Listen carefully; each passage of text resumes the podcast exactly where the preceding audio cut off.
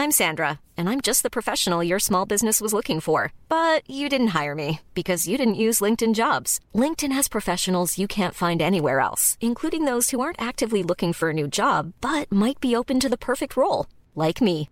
In a given month, over 70% of LinkedIn users don't visit other leading job sites. So if you're not looking on LinkedIn, you'll miss out on great candidates like Sandra. Start hiring professionals like a professional. Post your free job on linkedin.com slash spoken today.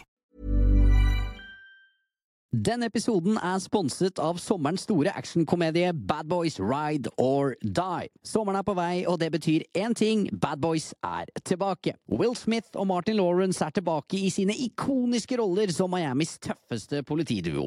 Og de er klare til å ta deg med på en actionfylt reise gjennom Miamis gater. Hold deg fast, for denne filmen har alt du kan ønske deg fra en Bad Boys-film. Mer adrenalin, mer bromance og selvfølgelig mer humor. Litt som en episode av Uno der, altså. Og når vi snakker om tøffe gutter, hvem er egentlig de originale Bad Boys i Manchester United? Er det Roy Keane med sin utrettelige energi og aggressivitet på midten? Erik Antona med hans ikoniske karatespark? Eller kanskje Nemanja Vidic med sitt kompromissløse forsvarsspill? Vi kunne sikkert nevnt flere, men vi husker i hvert fall godt hvordan disse gutta satt sitt preg på banen, akkurat som Will Smith og Martin Lawrence setter sitt preg på Miami. Det er lidenskap, det er handling, og det er ren underholdning.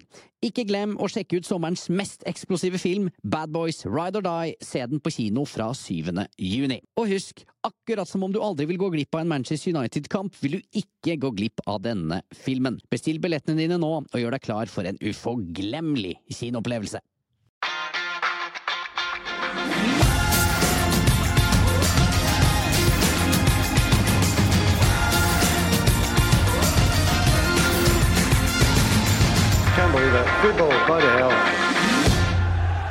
Han er en del av duoen som kalles Nordens største popfenomen. Han har gitt hele Norge støt med sangen Elektrisk de ti siste åra. Eh, Men han har også alltid hatt en drøm om å spille på Old Trafford, og han ser gjerne kamper i opptak. Nei, det er ikke du som er dagens hedersgjest, Fredrik, men Markus fra Markus og Martinus. Yes! Og her sitter du aleine, Markus. Det, du, det gjør jeg, og det føles eh, ganske fint, egentlig. Gjør jo alt sammen med brorsan, så eh, sitte her og snakke god fotball med dere er jo ikke gærent, det. Han, er, han var jo eh, hjertelig velkommen, han også. Ja. eh, selv om han er Chelsea-fan. Ja, han, eh, han synes også det har vært veldig artig å vært her og hørt litt eh, om det samme sammen med dere, men vi er jo ute på turné nå, så vi, vi er jo veldig travle gutter, og han og tre andre i bandet er syke akkurat nå, så det, ting sprer seg, og det er jo fint å ikke sitte i samme rom og spre den videre, og spesielt til meg også, som ja. også skal stå på den scenen, så nei, det har vært alene, men det synes jeg skal gå helt ålreit. Ja, ålreit. dette, dette gleder vi oss til. Veldig veldig hyggelig å ha deg her, Markus. Men vi, vi tar en ting med en gang, da. Fordi du er storebror med 15 minutters forsprang, er du ikke det? Det er ganske mye, det, da. Ja, det er, men ikke sant? Det, er- det, Det, det, det som gjelder, er å være først. det Ja. gjelder- ja, men jeg, jeg mener det. Alvor. Fordi du er storebror, det, det Ja. medfører et ansvar. Ja, men det er sant. Hvordan kunne du da tillate at lillebror ble Chelsea-fan? Sånn helt ærlig. Nei, men du må huske at det her skjedde i så tidlig alder at Ja. det er jo sånne ting man ikke tenkte på. Når Ja. vi var seks år, så tenkte man ikke så mye over det, da. Men det var jo Vi reiser ofte til Thailand på ferie, og da var det Pappa er jo eh, United-fan, Em, så da var vi på disse, hva heter det, sånn markeder, som er hvor de selger masse fotballdrakter og sånn. Så viste han oss, forskjellige drakter sånn, og sa jo at den her røde drakten her, det er liksom, det er tingen. Det er den her dere burde gå for, og jeg bare gikk jo rett i den fella, selvfølgelig. Em, men så ville ikke Martinus ha samme som meg, eh, så da ble det liksom Ja, pappa viste litt andre drakter og sånt, og favorittfargen hans var blå, eller er blå. Og så prata han litt om eh, Didier Drogba, som liksom ja, Han var storspiller på det her laget her, og han var kanon, og Jeg vet ikke om han forsto alt sammen, men han tenkte jo ja, blå, eh, nummer 11, så kult ut. Så da ble det en eh, Chelsea-drakt. Det, er, det, er det kjipt? Skulle du helst ønske at dere hadde samme lag, eller er det gøy med rivalisering? Noen ganger så tenker jeg det at det vært gøy de øyeblikkene eh, for eksempel da med Maino mot uh, Wolves, da. Mm. Sett den kampen sammen og bare gått crazy, på en måte. Men samtidig så er det godt da å ha litt Vi er jo konkurransemennesker. At man kan konkurrere eh, sånn sett. Men det virker som dere er ganske snille med hverandre. At det ikke er så mye banter, eller tar jeg feil da? Du tar veldig feil, altså. Okay. Det er mye. Husk at vi er jo profesjonelle med det når man er i rampelyset, ikke Ja. Prøver jo å vise at vi Altså, vi er jo ordentlige gutter, men når vi er Hjemme. hjemme, eller når vi er i turnébussen, eller hvor vi er hen, så er det banter på banter, ass. Kan vi få høre et eksempel på hva det går i, da? Nei, det tror jeg ikke. Er det, er det så ille? Det kan bli ille iblant. Men det er jo det som er gøy, da. Ja, ikke sant? Fordi vi er oss sjøl hele tida, men samtidig så er vi jo frekke og er ordentlig gutta mot Du kan, hverandre. sende, du kan sende han en meme som du finner på Instagram, på en måte, når, når Fernandes og han Caicedo har spilt elendig mot uh, United, f.eks. eksempel. 100 Ja. Enzo Fernandes liker veldig godt da, eh, som fotballspiller. Eh, men, eh, og han skåra et sinnssykt frispark nå mot Aston Villa. Jeg så jo den kampen. Og da måtte jeg jo faktisk skrite til Martinus sånn derre Shit, ass, det var bra mål. Men det visste han, da, sa han til meg. Så det Jeg vet det, jeg trenger ikke Jeg si vet, det. ja. Er det der? Nei, men han Stakkars han. Altså, det er greit at United ikke er helt eh, der de burde være, men Chelsea, det er jo, det er jo faktisk verre. Tenk det. Ja, det er, det er godt å vite at når vi sitter her, så kan vi bare se litt ned på tabellen. Så Vi- er det enda verre Vi der. kan det, Ja. men vi er jo på en Føler jeg begynner å komme oss litt inn på rett vei her nå. Selv om det ble en kaoskamp mot eh, Wolves der, spesielt på slutten, så var jo vi, spesielt den første omgangen, helt eh, Det var sånn Oi, er det her United tenkte? Med alle målsjansene og et par offside-mål var det vel også. Eh, så da tenkte jeg på en måte at oi, det her blir en bra kamp. Så kødder de det til på slutten, som vanlig. Det er veldig typisk å legge seg litt ned, sette på Johnny Evans. Tar ut eh, Rasmus Høylund, setter inn på han Forson. Og da tenkte jeg Forsen, eller eh, hvordan man uttaler det. Og Jeg er usikker sjøl, jeg har ikke- peiling. ja. Nei, og da tenkte jeg sånn eh, åh, må, må det ikke skje igjen? Mm. Og spesielt når det- var så fortjent med tre poeng den kampen der også. Mm. Og så bare kødder man det helt til. Og så Pedro Neto som også skal skåre det 3-3-målet. Mm. Men så har vi en liten magiker på midten der, da.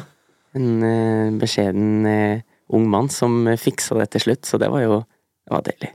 Åssen er du som United-supporter når sånne ting skjer? jeg var, da var jeg nesten forvirra, for jeg var veldig irritert akkurat da, altså. Det må jeg innrømme. Og da ble jeg selvfølgelig utrolig glad. Først i fem sekunder, men så ble jeg enda mer irritert etterpå, for da var jeg sånn Hvordan i all verden skal det her skje?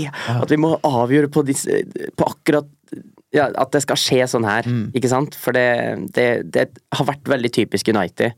Og kjente igjen litt sånn samme Det var vel under Mourinho var det veldig ofte sånn òg. Man leda, så skulle man prøve å parkere bussen etter ledelsen, og så holdt det ikke. Så det var, det var deilig at den kom igjennom. Jeg ble glad, men så ble jeg irritert og glad, og følelsen var overalt. For nå, nå er det viktig at vi får inn de trepoengene hvis vi skal komme oss opp til topp fire der bak Aston Villa. Vi skal eh, snakke om eh, det ene og det andre i dag. Eh, Disse episodene er helt åpne, og det er mange av de som lytter på, Markus, som har vokst opp med deg som en del av Marcus og Martinus-duoen. Fra dere vant MGP junior i eh, 2012 som tiåringer. Eh, Til ja, 100 millioner streams, eller det er jo mer enn det nå, eh, med, med sangen Elektrisk. Og, og ute og turnerer nå som får nesten si rutinerte artister, da. Um, men det skal sies, eh, og det tar vi med en gang, at supporterklubben var der. Nei, det blir faktisk feil å si, fordi det var du, Markus, som tok kontakt med supporterklubben. um, og du møtte jo uh, ansvarlig redaktør Dag Langerød i gangen her da du kom inn. Og uh, jeg må tillate meg å si at jeg er faktisk usikker hvem det var størst for. Nei, det var artig, fordi du, du Jeg har fulgt med på den supportklubben siden jeg var kjempeliten, før MGP Junior, tipper jeg òg. Og da, er det artig, for ansiktet hans dukker seg opp der som eh, Så man kjenner jo det ansiktet, da. Så det var litt sånn derre jeg vet hvem du er. Så jeg syns det var um, veldig kult. Og det var jo som han sa til meg òg, han spurte om jeg husker at jeg har sendt mail til de. Jeg bare er ja.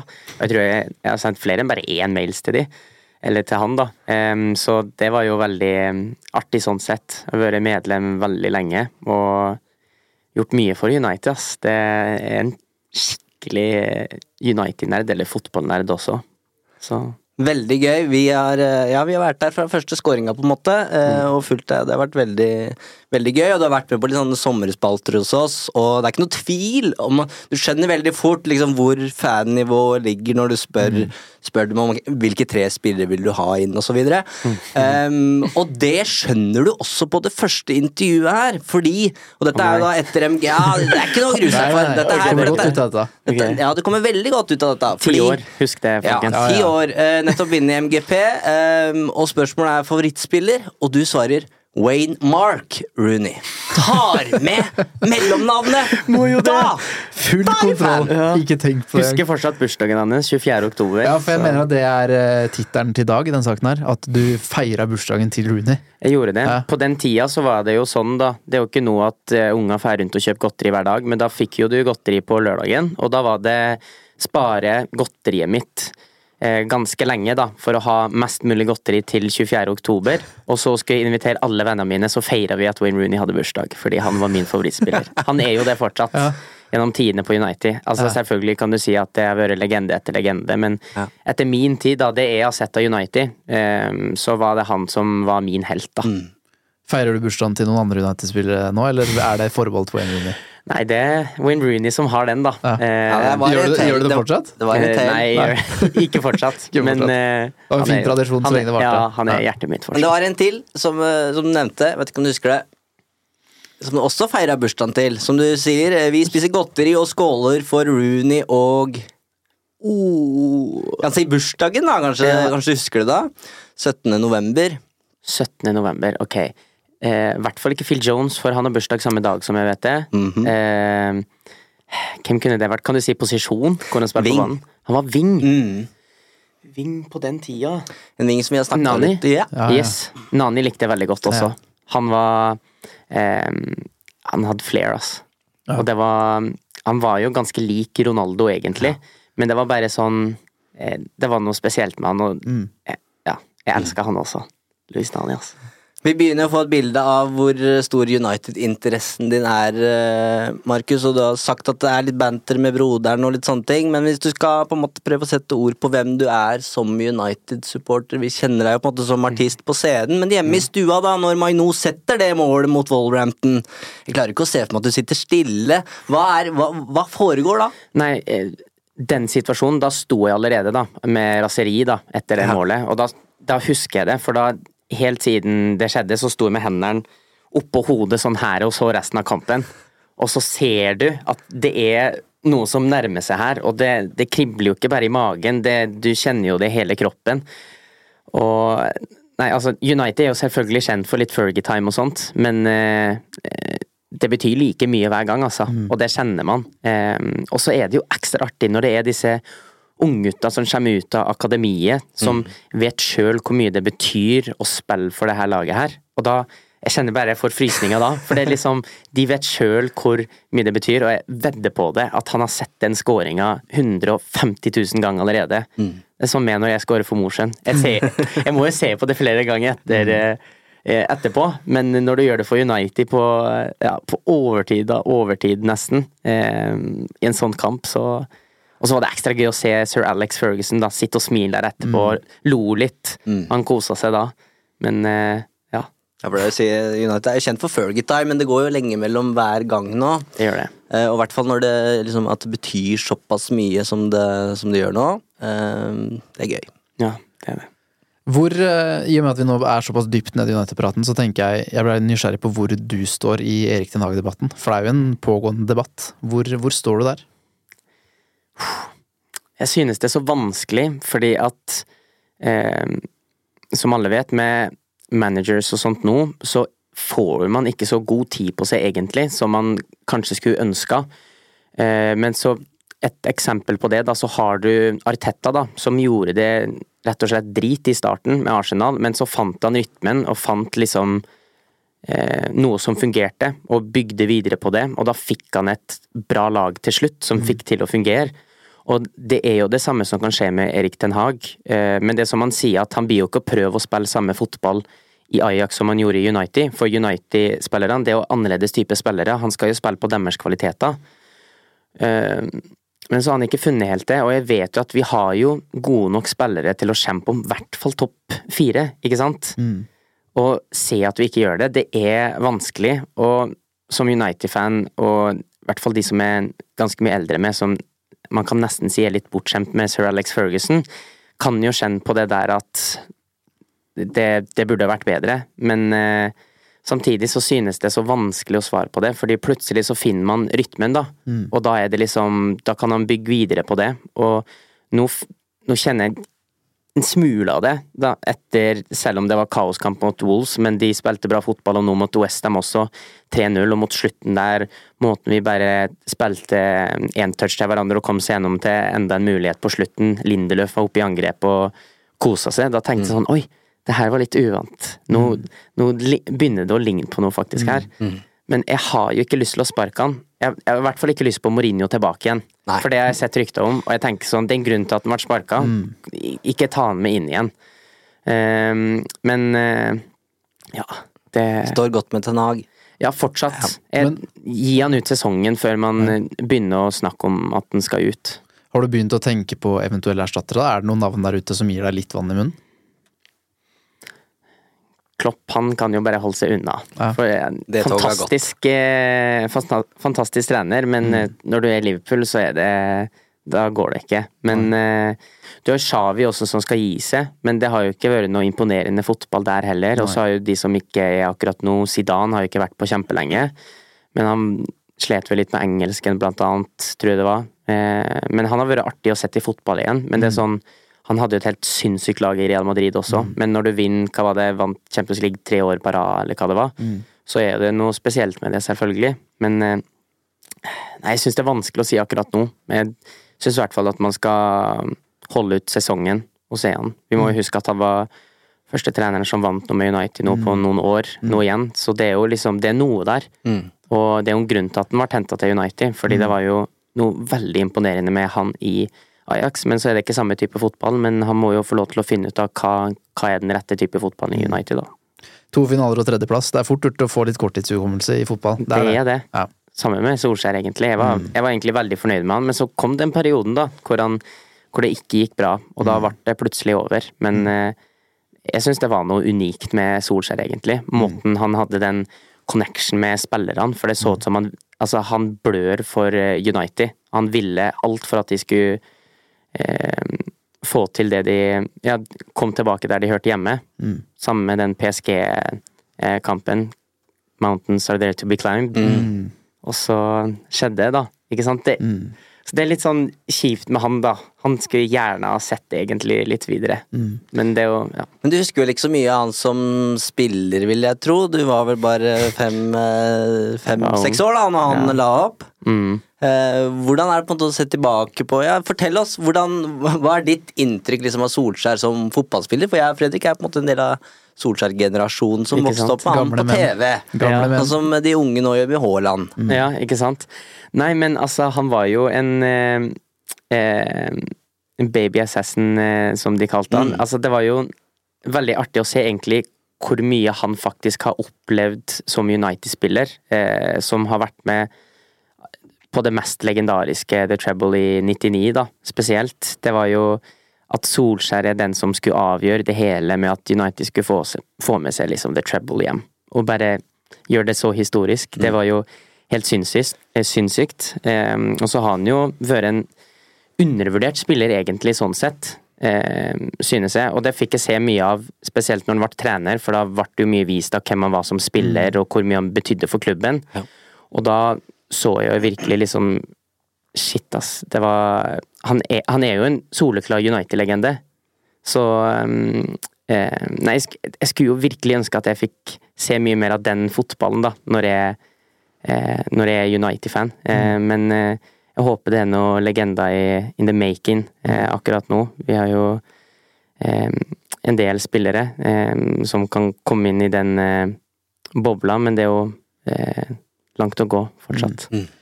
Vi møttes jo for første gang da eh, United var i Norge og spilte mot Kristiansund.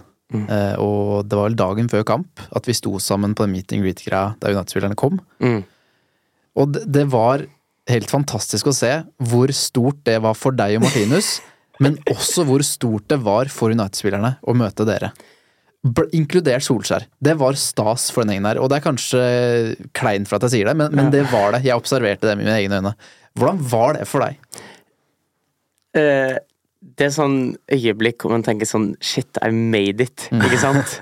Jeg er jo Jeg tror ikke folk skjønner hvor stor United-fan jeg er, men jeg er Altså, når spillere kommer bort til meg og vet hvem jeg er, det var fantastisk. Når Nemanja Matic kom bort eh, og liksom skulle ta bilde med meg, for han skulle poste på sin Instagram, for han sa til meg You have a lot of fans in Serbia, eh, and they eh, send a lot of messages to me, og bla, bla, bla.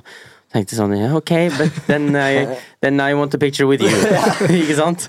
Så det var utrolig kult. Og så har du en del andre òg. Jeg husker Juan Mata etter kampen eh, mot Kristiansund. Han avgjorde den òg. De vant vel 1-0, så skåra han på straffe. Vi sto vel i mixzone sammen mens Mata skåra, tror jeg. Ja. Så vi fikk ikke med oss den, men eh, det, det må jeg også bare fortelle, fordi vi eh, Jeg hadde en live eh, pågående på Dagbladet TV. Eh, Du og Martinus var sammen med meg. Ja. Og Med alle Bojan. mine- Med Bojan også, ja. Eh, og hver gang jeg da strakk ut mikrofonen og prøvde å få United-spillere til å stoppe, så var det egentlig blankt avslag. Mm. Og så titta han opp, da, og fikk øye på de tvillinggutta. Og da stoppa han opp og prata med han, og da også meg, da. Ja. Så dere sørga jo for at jeg fikk en rekke intervjuer med United-spillerne. Ja, og så gikk de fra alle de andre, ville ikke snakke med de andre Ja, som sto der. Så og det, det- det, jeg følte meg så kul da. Altså, det var når Juan Mata Du var himla forbi, kul, skal jeg si deg. Når Mata går forbi der og så bare ser på folk, og så, og så stoppa han opp. Og han fikk liksom nesten et sånt sjokk. Jeg har video av det, jeg skal sende det til dere. Mm. Ja, For det er folk som hører på som tenker det her er ikke sant. Det er Det er sant. sant. Ja, ja. han stopper opp, går tilbake og bare nesten nikker med hodet. Hei, Mm. nice to meet you, nice to meet you. Jeg bare sånn oh, Nice to meet you. Ja, Nice men det, var, det var helt sjukt å, å oppleve hvor store dere var Ja, for noen så store personligheter. da. ikke sant? Det må ha vært en helt sinnssyk Ja, opplevelse. jeg, jeg har nesten glemt det, men når du tar det opp, er vi, er vi nesten litt flau, for det, det er faktisk så sinnssykt kult at mine største helter vet hvem jeg er. Så det var, det var stort, og jeg skulle liksom si congrats, eh, congrats with the goal og sånn der, men det var, jeg greide jo nesten ikke si det. Fikk jo måtte svelge Så det var Men det gikk, gikk fint, det, altså. Du må si ifra da, hvis du har noen ledige helger eh, utover. Så tar vi, tar vi med oss deg til Manchester, og så stikker vi fram eh, mikrofonen mens du står og prater med dem. Hjertelig. hjertelig. Men, men si litt, da, fordi eh, du blir jo, du blir jo gjenkjent av United-spillerne. Har du noe kontakt med noen United-spillere? Um, Eh, Rasmus har det. Ja. Eh, prate, prate litt med han. Eh, det er kult. Har du prata med en om eh, denne feiringa, eller? Ikke gjort det. Eh, siste jeg sa var jo bare sånn grattis med rå kamp og grattis med dagen, for han hadde jo bursdag da. Ja. Fylte 21. Um, og så har jeg drakta han, jeg måtte jo få tak i det. Og det var Den grønne? ja, det var ikke han som fiksa, den fiksa jeg sjøl. Men Ja. det sa jeg til han at den måtte jeg få tak i. For det var, det var kult. Men jeg begynte å snakke med han um, når han var på Atalanta da, eh, tidligere. Og det var før ryktene kom at han skulle til United òg, så det var jo bare eh, Det er litt heft inne i bildet òg. Du, du så at du kunne komme, sier du? Eller? Nei, nei jeg, jeg gjorde ikke det da, men eh, eh, jeg har jo fått han opp før og liksom sett at shit, han er jo et skikkelig talent, og man blir jo fan av sånne folk som har et sånt rått talent på en så ung alder, ikke sant? Det motiverer jo det som ikke kommer til å bli proff, men eh, for å bli best mulig sjøl òg. At det er gøy å se på at folk på din egen alder gjør det liksom så bra. Um, så ja, de Kobi Mainu har jeg snakka litt med. Eh, Isak eh, også. Eh, Mata, André Rera, eh, Matic eh, La meg bare tenke Jeg har jo en del Chelsea-spillere. Anthony på United òg. Ja. Ja. Åssen er de å prate med? Eh, det er jo veldig kort, på en måte. Jeg er jo ikke sånn som Jeg har jo ikke lyst til å være irriterende, så jeg svarer jo bare litt på stories eller skriver sånn 'lykke til' og får det tilbake, på en måte. Mm. 'Thank you'. Eh, Og sånt. Og så bare litt sånn random Ikke random fotballspiller, men Alfonso Davies, mm. blant annet. Eh, Mm. Store navn. Ja, og så har jeg prata litt med han eh, Girassi, han i, på Stuttgart, for han hadde vært linka til United. Og bare sånn, sånn, Kom til United. Være litt i forkant. Ja, rett så der, men, men det er fordi jeg vil jo at han skal komme dit. Eller ville han skulle komme dit i januar, da, men det var, skjedde jo ikke fordi at uh, eh, ja, United FFP rules. Eh, de har Virka han ikke penger til det. Virka han gira? Eh. Han er nå en god fotballspiller, og så tror jeg at eh, å spille for en klubb som United, det, det vil de fleste. Så det er vel Det hadde vært stort å få et Here we go-rykte her nå fra Markus på direkten. Det hadde vært fint. Jeg husker jo, for jeg var jo den derre ryktespalten til United.no en gang, med Fred, eller Fredge, som han egentlig heter, for da skrev i kommentarfeltet sånn Fred the Red, og så hadde han likt den kommentaren. Ja. Og så Men det var jo ikke noe om at han var klar for United da, men da hadde gikk inn, For jeg er jo inne på United.no hver dag. Tre-fire ganger for dag. Eh, og så eh, gikk jeg inn dit, og så så jeg mitt eget navn der. Ja. Og bare sånn der eh, rykte med at eh, Fredge liksom Det begynner å nærme seg. Her har han likt kommentaren til Marcus og Martinus, liksom. Det er med! Det er med i made it. Det var litt artig. Ja. Men det er, det er kult. Det er en, det er en festa, altså grunnfesta fyr her, med beina godt planta på jorda, er inntrykket mitt. Og det håper jeg er greit at jeg spør deg om, fordi alle barnestjerner tar jeg meg selv i å bli bekymra for. Mm. Fordi det er ikke et normalt liv, uansett hvor normalt man prøver å gjøre det. 100 Det er oppmerksomhet, det er press, det er forventninger. Og det er ufattelig mange der ute det har gått galt med. Dere har blitt sammenlignet med Justin Bieber. Mm. Det har gått opp og ned med han. Det ser ut som greit akkurat nå. Men mitt inntrykk hver gang jeg har møtt dere, og når jeg ser hvilke folk dere har rundt dere, så tenker jeg at dere kommer til å klare det, og dere har tilsynelatende klart det. Åssen er dette livet egentlig, Markus? Altså, det, det er veldig vanskelig for folk å forstå livet vi lever i, for det er som du sier, vi er jo konstant i rampelyset, og det trenger ikke bare være i Norge, som at de nord, øh, nordmennene tenker at nei, det er dere ikke, fordi det ser ikke vi. Nei, men det trenger ikke bety at vi er det her. Nå har vi vært mye i Sverige, og sånn som før korona, så reiste vi 90% i Europa. Reiste rundt og hadde konserter, eh, utsolgte konserter i Europa, og gjorde det veldig bra. Um, sånn sett. Og da, da er man mye i rampelyset. Du blir hele tida sett på. Og selvfølgelig så er det veldig vanskelig, fordi du sier at man, det er der man vokser opp. Men det er derfor det er så fint med at vi alltid har familie rundt oss. Eh, pappa som er en del av det manager-teamet som vi har, eh, som er der og mm, får oss til å ha beina på jorda. Men det er også litt den plassen vi kommer fra, Trofors. Eh, litt sør for Mosjøen, for de som lurer på.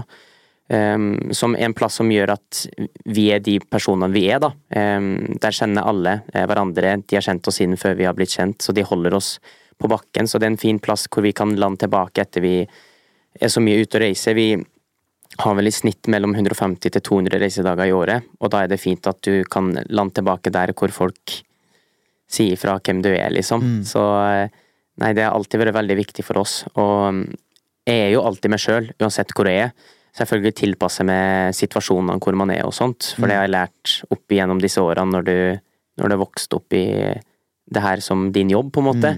Men eh, jeg er jo alltid oss sjøl og vil det beste for andre, og noe jeg alltid tenker på når jeg møter folk, er jo liksom den gylne regelen at du skal være mot andre sånn du vil at de skal være mot det, ikke sant? For da får du den respekten tilbake. Så det, det kommer jeg alltid til å tenke på. Hvor bevisst eh, har dere i managementet og pappaen din og dere vært på nettopp den potensielle baksiden av medaljen? da? Eh, det er jo allerede ting med det. Vi har jo kjempemye hjemlengsel. Vi ser jo ikke så mye av mamma og lillesøster, og vi har en hund også, eh, som man er veldig glad i. Også kompiser og venner, ikke sant. Så man tenker Vi var jo aldri russ, hadde ikke tid til det.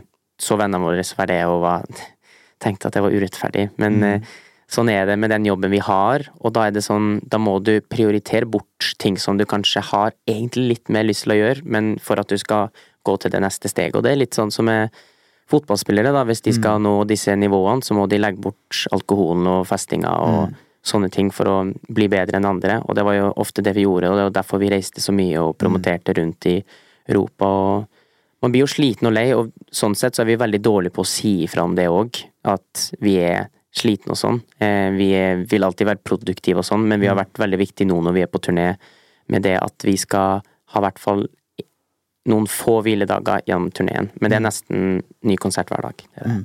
Ja, klarer du å ta vare på deg selv? Sånn høvelig. Det ser sånn ut! Det ser sånn Yes, ut, og det er jo derfor det er, Det er det det er derfor det er komfortabelt å Ja. prate om det, for det er, det er, vi kommer liksom ikke Vi setter deg ikke i forsvarsposisjon, sånn Nei. som jeg opplever det, fordi det, det virker som det går så bra. Da. Det håper vi å ha inntrykk av. Og Mm. jeg er i ferd med å bygge en bro her, fordi du Jeg kan se for meg at du mer enn noen andre forstår hvordan det er å skulle prestere og være menneske, da. Og vi snakker mye om det i podkasten, det med at Hvis en spiller i United ikke har det bra på privaten, hvordan skal han da prestere på banen? Det, er, er det noe du tenker over? Jeg elsker at du sier det, for det, det er så sant. fordi at selv om det ikke er i nærheten av det samme musikk og fotball, så har det så utrolig mange like sider, som du sier, med akkurat det. Med Rashford, det er jo sikkert mye som ikke vi vet som skjer på privaten, sikkert til han, da. Som gjør at det er eh, ingen motivasjon eller ingen sult i det han gjør, men så prøver han prøver likevel, fordi at det, det er jobben hans. og Eh, Selvfølgelig kan han ta fritt, sikkert, om han vil det, hvis han faktisk sliter utrolig mye. Men det er jo samme med oss òg, om man sliter på privaten, så blir det å gå ræva på scenen og sånt også. Så det har veldig mye like sider sånn sett, og vi har jo hatt perioder hvor det har vært helt eh, jævlig, for eksempel med sykdom. Vi eh, Sist arenaturné vi var på, før pandemien, så lå vi begge med feber eh, i, i tre dager, og to av de dagene så hadde vi eh, solgt ut Globen i Sverige. Det er plass til 16 000, da. 16 000 ganger to. Sto vi på scenen der i eh, 90 minutter og hadde show. Så det var, det var tungt, ass. For da er noe med press og forventning, og dette skal gjennomføres. Da Ja. er det press fra alle kanter, antar jeg. Mm. Og så er det ja, Folk forventer jo at de skal få Ikke sant, de har betalt billett og sånt, og vi kan ikke bare si 'sorry, det her går ikke'. Selvfølgelig kan man gjøre det, men vi er ikke de personene, så da for du oppå der og var halvkvalm og svimmel og tok på et smil og bare kjørte på. Men det det er ikke alltid så lett, ass. Nei. Men det er en del av jobben, og det er som fotballspiller òg. Du har jo en regel øverst på lista, det er jo ikke lov å bli syk. Nei. For å dra den sammenligninga enda litt lenger. Eh, når du vet at du skal ha show på kvelden klokka sju, når er det du går inn på en måte i showmodus? Er det fra du står opp, eller trykker du på en knapp i løpet av dagen på 'nå er vi'? Um, når det kommer til show og sånt, så prøver vi ikke å tenke på det gjennom hele dagen, fordi det ligger jo nerver i det, ikke sant, og du vil jo ikke gå rundt med de nervene gjennom hele dagen, så du har jo mye annet vi skal gjøre, om det er promo, intervjuer, diverse, eller noen ganger så er det ikke så mye, og da gjør du andre ting, har fokuset på andre ting, og så går det inn i det moduset kanskje type eh, eh, en time, en og en halv time før show, så går du inn i det moduset, og da er det går det gjennom det du kanskje føler usikker på, eh, og så begynner du å varme opp, og da tenker man at stemmen skal være varm, men det er like viktig at kroppen også er god varm. Eh, så får i gang kroppen og stemmen, og så er det å gjøre seg klar og holde seg, holde seg i fokus. Og så er det veldig artig, fordi vi har jo andre folk rundt oss som også er skikkelig hypa og sånt, som er backstage der, som sikkert tenker at det her kommer til å bli så kult, hvorfor er du ikke hypa på en måte? Vi gleder oss så mye og sånt. Og så er det sånn, jeg er det, men jeg går jo motsatt vei, hvor jeg går ned og går i fokus, og skal, jeg skal få alt sammen til å sitte, ikke sant? Jeg har jo, står på scenen, jeg har koreografi, jeg har, eh, ikke manus, men jeg har ting jeg skal huske å si mellom låtene, jeg har låtene jeg skal huske, og det blir jo, eh, man blir jo, det er et langt show med både synging og dansing, og det, man blir jo sliten av det, så det er jo viktig at man holder seg i rute sånn sett, så det, det er jo tøft arbeid, spesielt når man er på turné og gjør det nesten hver eneste dag, selv om folk tror det er ganske så chill, men det Og en fugl har hviske kan gjøre at du er en perfeksjonist også. Ja, skikkelig. Eh, så det her blir eh, det, det er så viktig for meg at alt sammen sitter. Og det, det er et show på 90 minutter, eh, og vi er mennesker, så det gjør jo selvfølgelig ikke alltid det. Men eh, så har jeg prøvd å blitt flink på, eller blitt fortalt at jeg må bli flinkere på å liksom godta at et 90 minutt show blir ikke alltid helt perfekt med at du treffer perfekt på alle notene, eller sier akkurat det du skal gjøre, eller skal danse akkurat helt perfekt. Så jeg er blitt flinkere på å la ting gå, og begynne på nytt, null kjøre på nytt. Det er som en fotballkamp når du bommer på en stor mulighet eller pasning, på en måte. Du kan ikke stå igjen og tenke på den faen, jeg gjorde den feilen, og bare tenke på det, ikke sant. Du graver jo det ned, eh, grev det sjøl ned, og det er jo ikke bra. Hvor ofte går du av scenen og er fornøyd, da? Eh, ganske ofte. Ja, så bra. Fordi vi øver jo utrolig mye, og ting skal sitte ordentlig. Em, så det er veldig ofte at jeg er fornøyd. Em, så det er et godt tegn. Fikk du med deg noen tips nå, Fredrik? Vi har jo hatt noen, vi har hatt tre Uno-show nå, og det, det har gått veldig bra. Eh, både Fredrik og jeg og Jon Martin har gått veldig fornøyde av scenen. Men det har altså vært noen tilstander backstage der før, før vi går på. Så hva er det siste du gjør rett før du går på? Du skjønner liksom at om, om 15 sekunder så står jeg på scenen. Det, da går det bare inn i hodet, fordi mange kan stå og tenke på nervene og sånt, ikke sant? Og da er det liksom, hvis du bare går inn og tenker sånn det er happy å gå, eller sånn der faen, nå skjer det, på en måte, da, da går det ikke bra. Da Jeg prøver bare å slippe alle tankene, og så går jeg ut dit og bare tar imot den energien, og så gir de en god energi tilbake, og så kjører jeg på med det jeg har øvd på, og så som regel går det bra. Min, eh, min første livesending på Dagbladet TV var jo med Bojan Juric, Markus og Martinus. Eh, og da var det de som passa på meg. Eh, de tørka svette i panna mi, fiksa sveisen når den var ute av synk. Eh, og Bojan, konstant i den halvtimen vi hadde, han sa jo ting bevisst for å sette meg ut. Ja, han pirka på det. Han pirka på meg. Eh, og når jeg sa vår, vår serbiske venn, så var det sånn Jeg er bare svensk. Da arresterte meg liksom på altså Han liksom tok meg på alt. Da. Og da, da var, da var Markus en veldig fin fyr å ha med seg i krigen. da Eh, Men hvilke følelser er det du kjenner på da før du går på en scene? Fordi som Eivind sier, det er et eh, shitshow av de helt sjeldne på bakrommet jeg- før jeg skal på scenen. Det er Ja. nesten puste i pose. Ja, nei. Jeg har blitt ganske rolig sånn sett, spesielt når du har et show som du har øvd veldig mye på. Um, og du har gjort showene en del gang. Første showet når vi var i København, det var der vi starta den nordiske turneen. Da var det selvfølgelig ekstra nervene, for da hadde du ikke gjort showet foran folk før. Um, men eh, ja, jeg prøver egentlig å bare slippe alt løs, ikke sant, for det, det beste som finnes, det er når du har mye nerver, og så blir de borte, og du blir ti kilo lettere på skuldrene. Det er beste følelsen. Så jeg prøver å slippe det før jeg går på scenen. Som at jeg tenker at det, her det blir å gå bra. Jeg har øvd på dette. Jeg, det, er- det her er jobben min. jeg, går ting feil, så gjør det det, men på en måte at det skal gå bra. Og da, da går de bort, og så går jeg ut der, og så kjører jeg på. Nå quizer vi deg ganske hardt på musikken din her. eh, vi Ingen ta- quiz, egentlig. Nei, det er bare litt sånn spør- frie, Ja, men det er bra. gode Eh, men eh, hvis vi skal litt tilbake på United-sporet, men fortsatt litt i musikkens verden. Har du sett disse videoene av eh, McTominay som synger for United-stallen? Ja. Mm. Hva syns du om McTominay? Han fikk jo en voldsom respons av United-gutta. Eh, ah, hvilken sang var det han sang da? Men han var, han var bra. Han også, var bra, skjønner og så, eh, det var så gøy, for han skjønte det sjøl, for han begynte å smile og bare sånn Oh yes, that's me. Og så hadde du Veghorst, eh, tror jeg også er ganske bra syng. Ja, det tror jeg stemmer. det? Ja, jeg, Jeg jeg, husker Veghorst. ikke hva, men uh, både Veghorst og McTominay var bra. Så var det Mm. Van Bissaka og sånn også som var helt midt på, helt midt på tre, hvis det er lov å si. Ja, ja. Men McTominay imponerte gutta. Ja. Eh, Imponerte deg òg, høres det ut som. Men uh, sånn, sånn tenker jeg òg. Sånn åh, det er bare, jeg tenkt på det sånn Hvis jeg faktisk har blitt profesjonell fotballspiller, og så bare plutselig overraska guttene på laget og bare Mm. syngt på en måte der, da, og bare fått den eh, applausen tilbake, det har Mm. vært veldig gøy. Og det er gøy å se at andre spillere faktisk kan synge litt, da, og Mm. bare tar det med seg og bare viser det, og ikke er redd, på en måte. Mm. Ikke holder tilbake.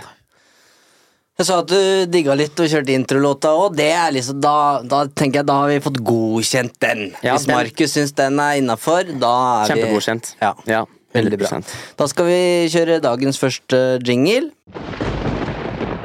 Mountains are there to be climbed, aren't they? Som bestilt, nesten, eller? Mm. Ja. Der var ja, Det er sånn jeg reagerer på jinglen til Eivind nå. Han er ikke så fan at jeg skryter svært han. Jo da, det er så hyggelig at det Du, vi eh, skal smelle i gang en eh, helt ny spalte her, vi. Eh. Heia Fotball har sin drømmeelver. Vi går litt mer moderne til verks med five-side-lag. Så du kan velge fem eh, United-spillere eh, fra når som helst. All time. Som du skal ha på ditt five-side-lag. Og så kommer vi til din egen Vi skal til Mosjøen nå, så du kan Oi. godt Det er lov. Hvis du vil ta en av plassene, så er det greit. Det er opp til deg. Nei, det, um, når, det, det kan jeg ikke gjøre når det er snakk om Nei. United her, for her er det for mange egentlig å velge mellom, og så skal jeg putte meg sjøl inn der. kan du få spille med Wayne Mark Rooney, da? Kan, vi si du er manager, da? Du er manager er for manager. five-side-laget. Et spillende trener. Det går, ja. ja, ja. Spillende superinnbytter. Ja. Nei Supertrenerinnbytter. eh, Hvilken posisjon eh, Nei, formasjon skal man gå for da? Man har jo lyst på eh, Keeper skal man jo selvfølgelig ha. Eh, Kjører du en 1-2-1 eller en 2-2 eller en hva? Vi har jo så går, Har én bake, tipper jeg, og så går vi for åh, Jeg må vel ha to på midten og én på topp. Åh, nei, man, man har lyst på to der framme òg, da. For det er så mye, mye å velge mellom. Men keeper Hvis man skulle ha tenkt eh, ballferdigheter, så skulle man overraskende egentlig ha tatt Onana, Ja, det, ikke sant? Det, det er, hvis vi ser for oss at det er cageball, Ja, eller i hvert fall ja, en liten ja, Hvordan, Jo hvor spiller Tenk- man hen? Tenk, tenk spalte. Skal vi cageball i tenke cageball? Ja, da, skal, tenk det. da skal jeg gå crazy og legge bort eh, van der Sar og eh, de store gutta og ta André Onana. Det er en ny verden. Det, fotballen er er ikke sånn lenger. For da Eh, har jo både keeper og utspiller ja, igjen. Ikke sant? Han har jo ferdighetene til å kunne ha spilt litt lenger fram på cageball om han vil. Forsvar Jeg er jo veldig stor fan av Vidic, da. Fordi han var et monster. Jappstam også var jo jeg, jeg så på sånn eh, Når de var tilbake på sånn eh, Hva heter det, sånn veldedighetskamp, eller hva det var, så gjorde noe greier der òg, hvor han meia ned noen. Vidic. Nei, Jappstam. Jappstam. Love it! Ja, ja. Det er så gøy. Det er sånn, jeg bryr meg ikke om det er sånn der veldedighetskamp mot det gamle kjenninga. De, det er fotball. Han, Mm. han skal ned. Men baki der eh, åh.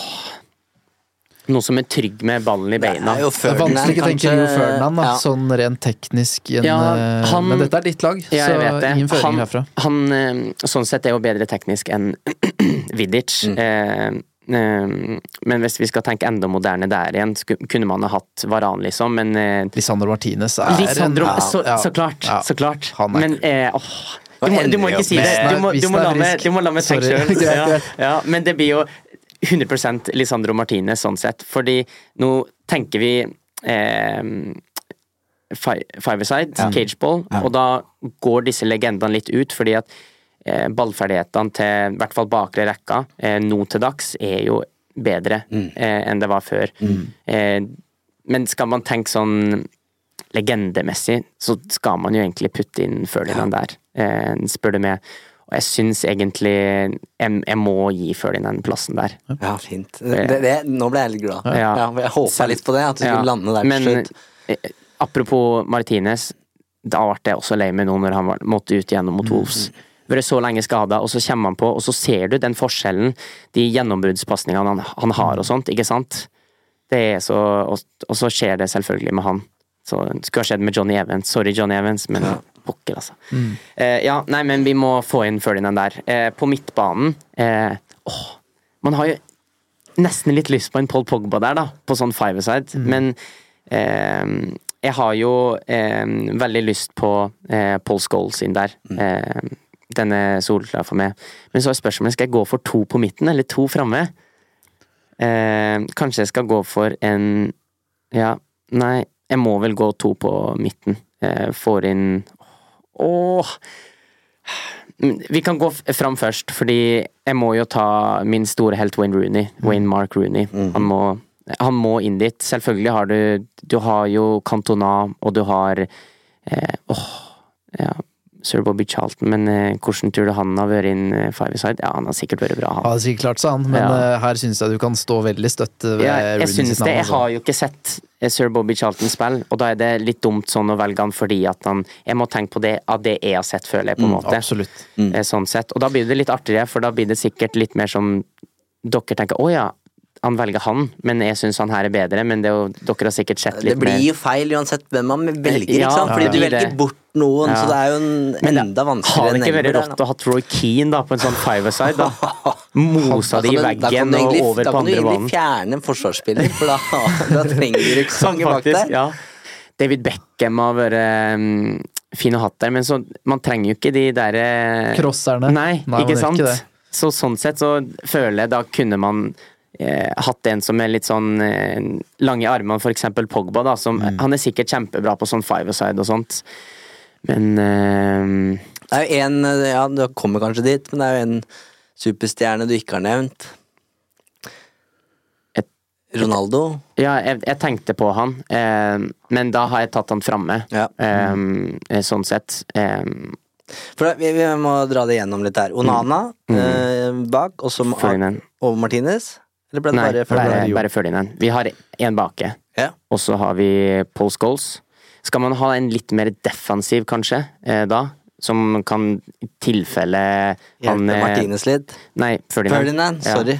Eh, tilfelle, surrer fælt! Ja. Nå skal jeg skrive det opp her, faktisk. tilfelle Ferdinand tenker faen, jeg blir med opp, jeg. Og da trenger du en som kan stå litt støtt der bake.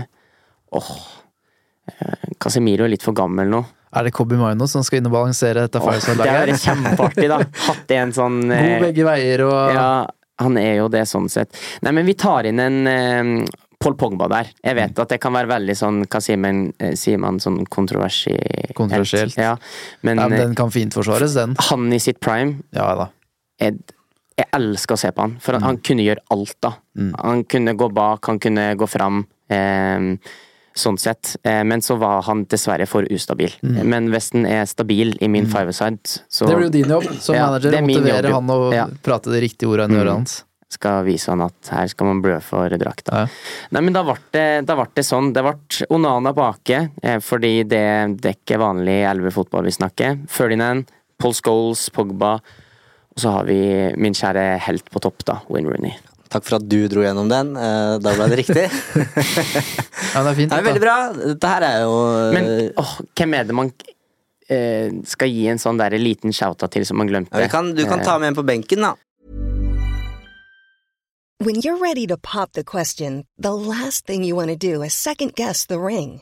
At Bluenile.com, you can design a one of a kind ring with the ease and convenience of shopping online. Choose your diamond and setting. When you find the one, you'll get it delivered right to your door. Go to Bluenile.com and use promo code LISTEN to get $50 off your purchase of $500 or more. That's code LISTEN at Bluenile.com for $50 off your purchase.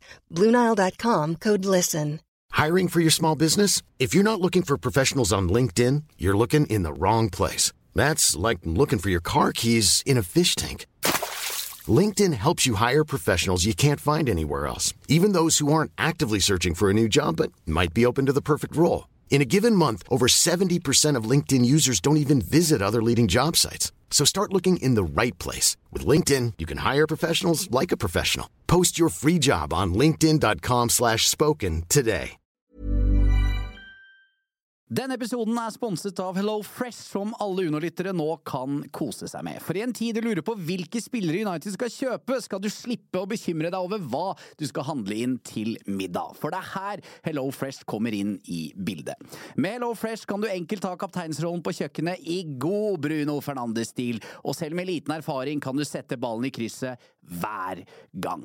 Utvalget er enormt, maten er variert, og du kan prøve retter fra alle verdenshjørner hver eneste uke. Som underlytter kan du få opptil 1779 kroner rabatt på de seks første matkassene dine, og gratis frakt med første leveranse. Så det er bare å komme seg inn på hellofresh.no og bruke koden FreshUnited. Dette gjelder for de som ikke har prøvd Hello Fresh ennå, og for de som tidligere har vært kunde, men som har stoppet abonnementet for minst tolv måneder siden. Ja, uff.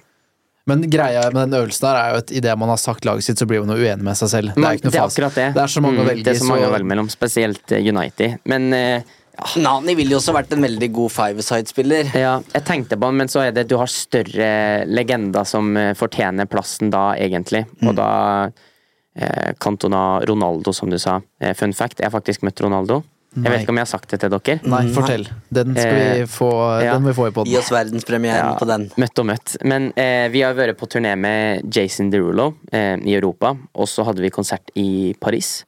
Og så sa en av de eh, amerikanerne som jobba med han sånn yeah, Guys, do you know what's going to happen tonight? And, og jeg bare sånn derre Ja, ja. I'm gonna have a concert. no, this uh, soccer guy, Cristiano Ronaldo, he's coming tonight. Så jeg bare sånn Ja, Ok, okay. Ja, ja, ja.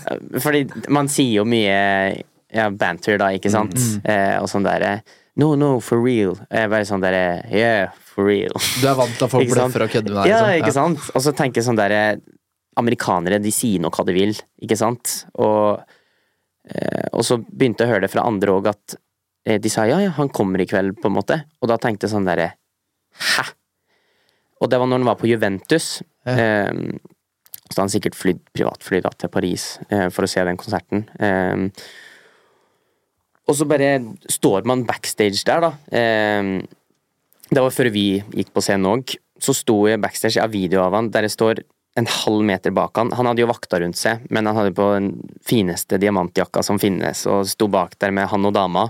Det var bare de to. Men eh, ingen fikk ta bilde med han, for det var midt i det der med at han hadde voldtatt noen. Eh, den saken der. Ja. Så da ville ikke han bli sett at han var i Frankrike og sånt. Eh, ja. Ingen bilder, ingenting. Nei. Um, så det var, det var en trist opplevelse for meg, for Ja. det var sånn Han var Så jo en nært, av mine store helter. Ja, og da jeg husker jeg hadde, jeg hadde så lyst til å bare glemme hele den dagen. Så Mm. hver gang jeg får opp minner, så er det rett ut. For jeg blir bare sånn der Jeg var så nærme å møte en av verdens største eh, at, eh, altså fotballspillere, da. Mm. Eh, så det var Ja, så han, han kommer på min benk. Ja. Rett og slett. Han er på benken. Ja. Ja.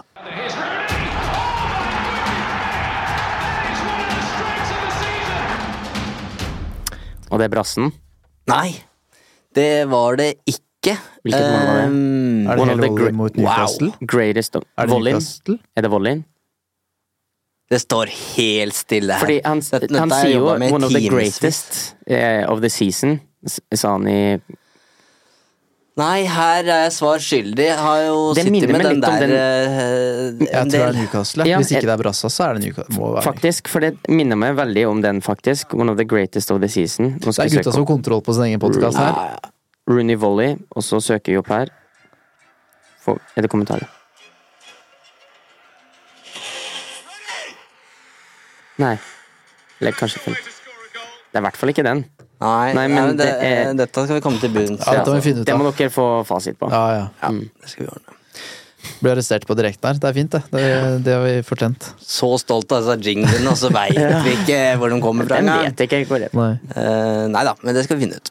Hvem er, eh, hvem er det som fotballspiller? Hvem er, Markus? hvem er som fotballspiller? Ja. Du har en egen karriere på si. Du lever ikke bare ut eh, guttedrømmen på scenen. Det gjør jo Du holder altså liv i fotballdrømmen i tredje divisjon, stemmer det? Ja. Tåler du at jeg roser deg litt, eller? Ikke roaster, roser. Jeg hører det. Ja. Ja, du, litt. Ja. Men ikke for mye. For da Nei, fordi Så at du skal slippe å skryte så fælt av deg sjøl, da. Det kan Ja. at du er komfortabel med det òg, men uh, jeg har sett han Helst spille ikke. fotball uh, flere ganger. Um, og det er Kan jeg spørre hvor har du sett meg spille fotball? Nei, jeg tror første gang var uh, Norway Cup-sendt kamp på TV2. Ah, ja. Men uh, eh, vi triksa litt sammen før showkampen til okay. Hykkerud og Strandberg Mm. i Drammenshallen. Uh, og det er sånn at det er på et imponerende høyt nivå. Så det er sånn at vi har med en talentfull fyr å gjøre, det er ikke bare synging han kan. Eh, og du har vel pappaen din, Kjell Erik, som forbilde. Han som introduserte deg for både fotball og nettet, er det ikke det? Ja, han spilte vel eh, eh, ganske langt opp. Eh, ikke i øverste, men like under Opos. Eh, så han har liksom han Spilte vel mot Bodø-Glimt, han òg. Ja, det har han gjort. Ja. Eh, men det var med Mosjøen. Men han har vært på Elverum når de var oppe og Mm. kriga. Eh, så Nei, så selvfølgelig han som introduserte oss inn der. Eh, og vi, vi har spilt mye fotball. Det var jo det vi ville bli fra starten. Vi eh, eh, Det var jo ikke noe musikk, ikke sant? Det var aldri planen, det.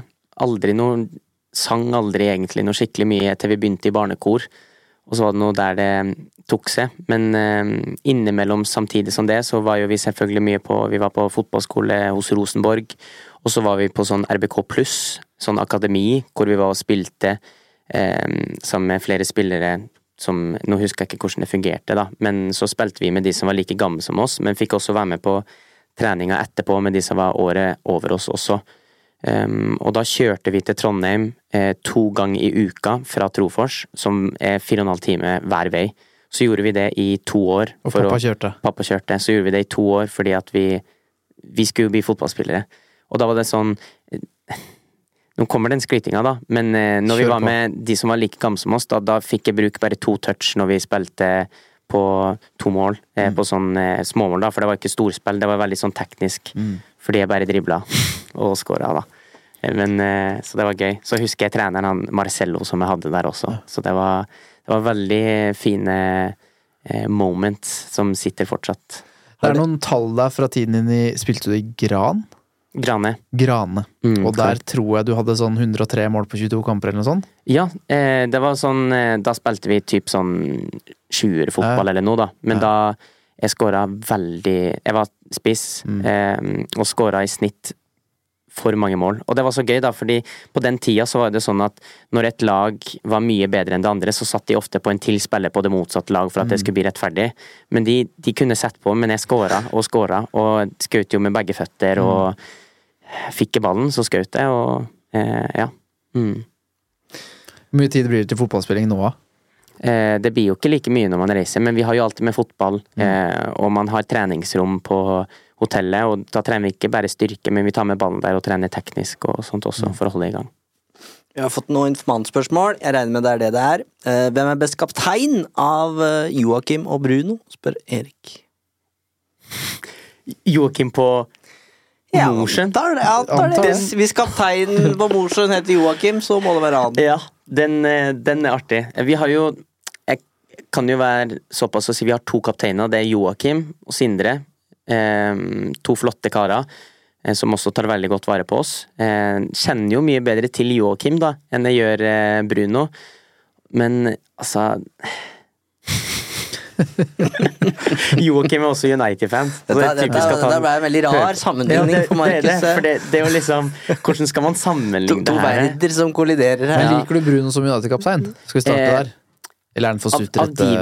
de- Den synes jeg faktisk er litt vanskelig, Mm. hvis vi skal ta den. For jeg har tenkt, når Maguire var kaptein, så tenkte jeg gi den til Bruno. Mm. Men så har du disse øyeblikkene hvor han bare ikke er Har den kapteinfølelsen i det hele tatt. Hvor den sutringa kommer, og hvor han virkelig egentlig burde være fokusert og ha laget på plass og sånn sett. Så den, jeg synes den er ganske vanskelig med Bruno, men hvem burde vært kaptein da? Du kunne sagt eh, Lisandro Martinez, for eksempel. Eh, The Butcher der bake, men må nå, han må nå greie å spille først. Eh, komme seg inn eh, og holde seg uten skader. Bruno er jo aldri skada, han er jo der hele tida, og han springer jo som en maskin, ikke sant? Du ser jo at han, han vil virkelig for dette United-laget, men så har han de øyeblikkene. Eh, Joakim springer ikke like mye som Bruno, han gjør ikke det. Men syter mindre? syter mindre. Eh, rolig fyr eh, på banen. Det Sindre også, eh, sånn sett, så Men, jeg, men jeg, jeg sendte, mens du tenker litt da på ditt endelige svar, jeg sendte en melding til eh, Magnus Stamnestrø, er det treneren din? Korrekt. Ja, han, har er det han som har spilt i Molde? Eh, ja, og, Ros fotball? og Rosenborg. Riktig. Mm. For jeg, jeg ønska å få litt eh, Jeg skrev at du kommer på besøk til oss og skal prate med deg til podkasten. Har du noe morsomt vi kan spørre om, overraska med eller konfrontere med i hermetegn, skrev jeg. Og da fikk jeg bare at eh, det er veldig lite å ta ham på. Hørt med mange spillere, men han er alltid så positiv og grei at det er veldig lite å ta ham på. Så det er gode skussmål, da. Fra, så det, det, det bekrefter jo bare da den jorda gutten som er en fin fyr. Og det, det syns jeg er veldig hyggelig å høre, Markus. Ja, altså det er jo det som er så fint når vi kommer hjem til eh, Trofors, da, eller Mosjøen som vi spiller på, at der er vi helt normale gutter, og der kan jeg være med sjøl og være med kompisene mine, samtidig som jeg får spilt fotball. Så det er en av de beste følelsene. Jeg elsker virkelig, virkelig det med Mosjøen. Det er jo det som gir den eh, spesielle følelsen. Men skal vi gi den Må gi den til Bruno, da. Ja. Sorry, Jokke. Sorry. Han får tåle det, Det, syns jeg. vi gir den til Bruno fordi at Jokke og Sindre bytter på å være kaptein, så det vil si at han er ikke fast kaptein, og da kan han ikke få den, for det er Bruno. Bruno er fast kaptein. Jeg syns Joakim skal tåle den, men Ja. eh, han håpa nok på et annet svar. Han gjorde det. Jeg sk han skal jo ha bryllup til sommeren, kanskje jeg ikke får invitasjon likevel. Vi får se. Hold oss oppdatert. Ja, jeg skal gjøre det. Tabellplassering på Mosjøen i år, spør Eirik. Nå kom vi oss, jeg tror det var sjetteplass. Eh, Ja. Vi har hatt eh, mange spillere gått ut. Eh, ikke fått inn noe enda. Eh, en av våre Jeg syns i hvert fall en av våre beste spillere på midten. En eh, eh, ung kar, litt yngre enn meg. Kjempebra. sleter mye med litt kneskade, dessverre. Han har jo dratt til rivalen vår, Rana, eh, storebror, som var et stort tap. Og så ja, altså Målet først og fremst er jo selvfølgelig å I fjor var vår første sesong i tredjedivisjon.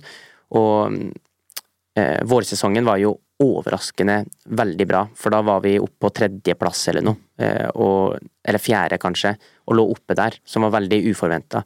Eh, men så hadde vi en veldig dårlig høstsesong, som jeg tror handla mye med, om at fokuset datt, og det var ikke helt Det var noe greier som skjedde der, men eh, skal vi si, prøve oss på en sjetteplass igjen, eh, så er jeg fornøyd. Så det er jo prøve, å- prøve å holde oss der, tenker jeg. Men har dere tid til dette? Jo det, da. Ja, Hvor mye Eh, får du vært med? eh, fikk vært med ganske mye, egentlig. Eh, en, en, mer enn det jeg tenkte. Eh, det står jo Jeg vet ikke hvor mange kamper det står på den, hva heter det, min fotball eller fotball.no. Men jeg har jo hatt mye mer innhopp i år eh, i tredje div enn det var i fjerde. Fordi Eh, da var vi mye hjemme, for da var det korona, og da eh, var jeg mye hjemme. Eh, spilte god fotball, hadde tid til å starte, men så ble det mer reising. Jeg var en del skada også. Eh, det var ikke bare den jeg viste det, men jeg hadde sleit med noe bak i eh, festet ved hamstringen også, så det var en del innhopp eh, i stedet, så det var litt, sånn, litt vanskelig eh, sånn sett, men jeg synes det er artig med utfordringer, så jeg prøver jo å trene og holde meg i form for å få det gående, men jeg tror det var eh, typ 15-17 kamper vi var med på. Og så Og er det er ganske bra, da. Ja. Ja, ja. Mm. Det er mye. Og bare for å ta den videoen du snakka om, ja. for å ta lytterne som ikke ser. Ja, Det var sant. da altså en fryktelig takling fra keeper, som da blei vist det røde kortet. Eh, Hørte kommentatoren mente at det var meget strengt. Jeg syns det var meget fortjent. Ja. Eh, Men eh, Så det, det gikk utover kneet ditt, gjorde det ikke det? Jo, eh, hadde et drift der i eh, indre menisk, eh, så var jeg ute i tre måneder etter den. Så takk for det, keeper. Sånn er det. Har du eh, Nå skal jeg litt forsiktig med årstall her, men er det i år 2022 at du ble kåra til eh, årets spiller i eh, Det var i opprykksåret, ja, Ja. når vi rykka opp. Så det var jo Det var veldig spesielt, fordi jeg, jeg kommer ikke til å bli profesjonell fotballspiller, men når du får en sånn pris, eller sånn da, at du får den da på et sånt år hvor Mosjøen første gang de vinner liksom fjerdediv og rykker opp til tredjediv, på en måte, og så får du den som årets spiller, det er jo en fantastisk følelse. Sånn sett. Jeg har vunnet sykt mye Årets Spellemann, eh, og disse prisene som Kygo og de største vinner, men den, eh, den var spesiell på en litt annerledes måte, ass. For det her, det her er også hardt Annet talent. ja, som blir og, og så er det noe som man har jobba så fryktelig med, så man tenker sånn det, Man blir aldri fotballspiller, men det her er liksom noe av det nærmeste man kommer med sånne ting, og hvor man får et slags bevis på at det er harde jobbingen, på en måte, det har vært liksom verdt det, da. Og tredjedivisjon i norsk fotball nå er jo det, det, det nivået er høyt etter omleggingen av divisjonssystemet sånn. ja. Så det er, eh, men du har jo fått en liten sånn forsmak på hva, hvor gode disse proffene er. Mosjøen møtte Bodø-Glimt i cupen i 2023. Mm. Var det? Åh, det var, det var gutterøm, det. Mm. Eh, fikk lov til å dra ut dit og eh, fikk startkampen òg, for da hadde jeg nettopp kommet tilbake fra skade. Jeg var livredd. Eh, jeg husker jeg var skada, og så begynte det å gå greit igjen, men så kjente jeg det på den første treninga mi tilbake igjen, og da jeg hylskrek, eller gråt, da, som man sier på litt mer fint bokmål. For jeg var så lei meg, for jeg, jeg har aldri vært ordentlig skada, og så kommer den her kampen mot Bodø-Glimt som jeg har så lyst til å spille.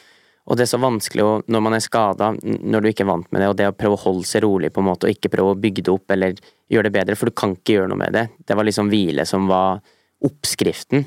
Det var den verste oppskriften jeg har hørt om. Eh, og da var det liksom Jeg var livredd for å ikke rekke den kampen, men så rakk jeg, jeg fikk start. Eh, kampen eh, Hadde nesten en assist eh, den kampen der også, som jeg synes var veldig gøy. Men jeg var ikke imponert over touchen til spissen. For han, han er høyrefot, og så kommer han igjennom alene nesten, så demper han med høyrefoten ut fra mål, og så blir han litt sånn bak ballen, og så skal han skyte med feilfoten når han kunne ha bare lagt den foran seg. alene. Men du fikk i hvert fall spilt da mot Bodø-Glimt. Jeg, jeg var i Rælingen da vi kvalifiserte oss til NM og fikk eh, LSK i første runde. Oi, Og da hadde jeg brekk i ribbeina noen uker i forveien. Så jeg, jeg var i full trening uka før, men jeg, da ble, ble jeg ikke tatt med i troppen. apropos det, det var en skjønner at kroppen din ikke spiller på lag, men eh, Nei, det- jeg skal tro på Det deg. var faktisk en på laget vårt som brakk ribbeinet mot Glimt. Ja. Fikk en trykk rett i eh, ja, i ribbeinet.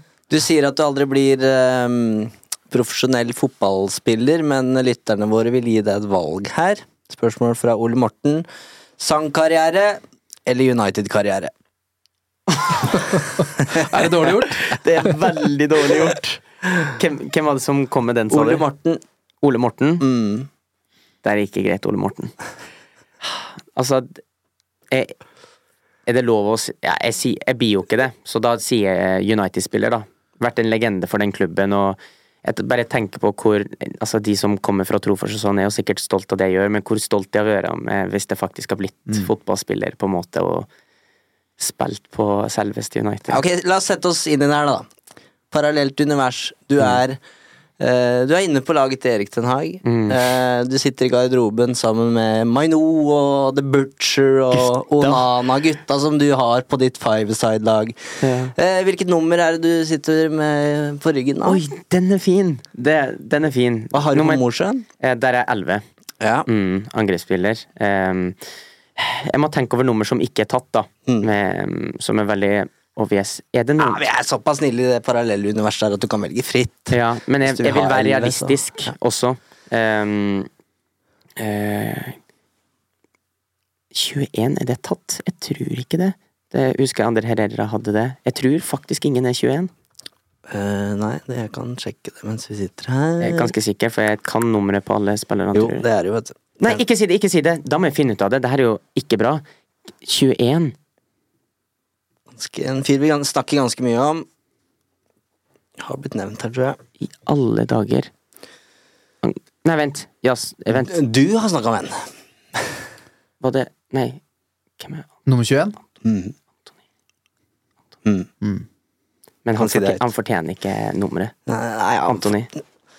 Antony er eh, 21. Nei, de, de kjøpte ikke Antony eh, sommeren 2022. De kjøpte Markus fra Ja. Mosjøen. Fra Mosjøen. Som fikk- Mye billigere, og faktisk bedre høyrefot, er jeg ganske sikker på, enn Antony. For når du ser Det er ikke god- kontroversielt å melde. Eh, Nei, når du ser godfoten hans som er venstre, da tror jeg faktisk at jeg har en bedre eh, høyrefot enn han. Ja.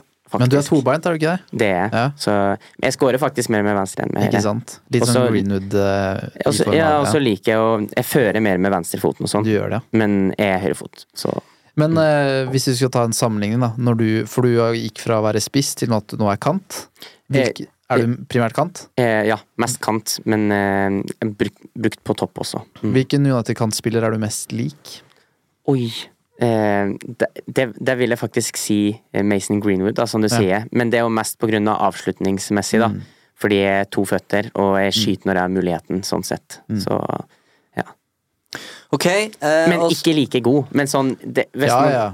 Ikke sant? Mest lik. ja, mest ja, ja. lik i spillestil, ikke Ja, sant? Ja.